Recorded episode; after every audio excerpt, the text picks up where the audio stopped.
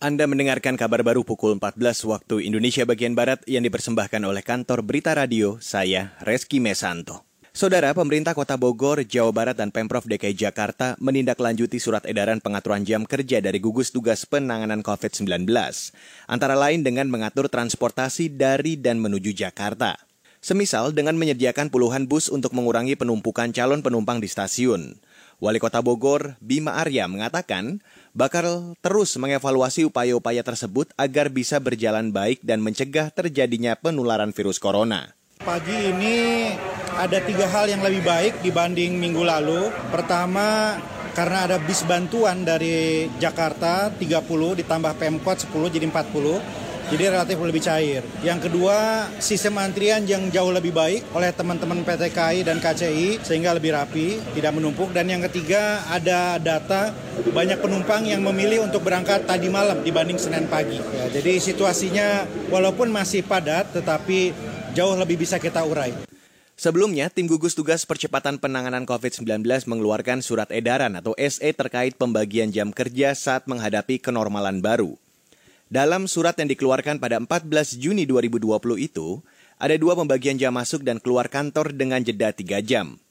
Gugus tugas juga mengatur agar perusahaan tetap mematuhi jumlah kapasitas pekerja yang masuk kantor, yakni 50% dari total keseluruhan pegawai.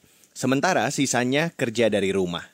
Sementara itu, Saudara PMI Balikpapan kerap kehabisan stok darah selama masa pandemi COVID-19. Akibatnya, PMI setempat tidak bisa memenuhi kebutuhan rumah sakit. Hal itu disampaikan Ketua PMI Kota Balikpapan, Diah Muryani. Kata dia, selama masa pandemi pendonor takut mendonorkan darahnya karena takut tertular COVID-19. Padahal virus corona tidak menular melalui darah. Selain itu, semua petugas PMI dilengkapi dengan alat pelindung diri yang lengkap. Kami selalu kehabisan darah sehingga kami memerlukan para pendonor-pendonor kami yang setia sekaligus juga pendonor-pendonor baru mungkin dari kaum milenial, mahasiswa, pelajar maupun guru ya karena setetes darah bisa menyelamatkan jiwa seseorang dan donorkan darah kita akan dunia bikin dunia ini menjadi sehat. Dia Muryani menambahkan setiap harinya kebutuhan darah di kota Balikpapan rata-rata 70-an kantong darah dan sebulan mencapai 2 ribuan kantong darah. Terkadang PMI Balikpapan tak sanggup memenuhi kebutuhan rumah sakit. Selain melayani rumah sakit di Balikpapan, PMI juga melayani rumah sakit di Kabupaten Penajam Pasir Utara atau PPU atau calon ibu kota negara atau IKN yang baru.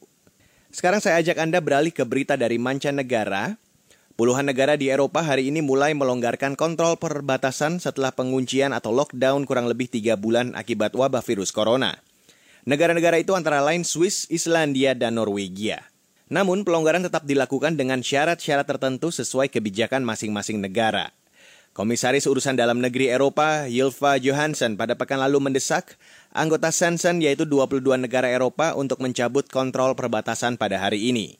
Menurutnya, Langkah itu dinilai dapat membantu menyelamatkan industri perjalanan dan pariwisata Eropa yang merosot akibat COVID-19. Setidaknya sektor itu menyumbang 10% ekonomi Uni Eropa dan sebagian negara Mediterania. Demikian kabar baru KBR saya Reski Mesanto.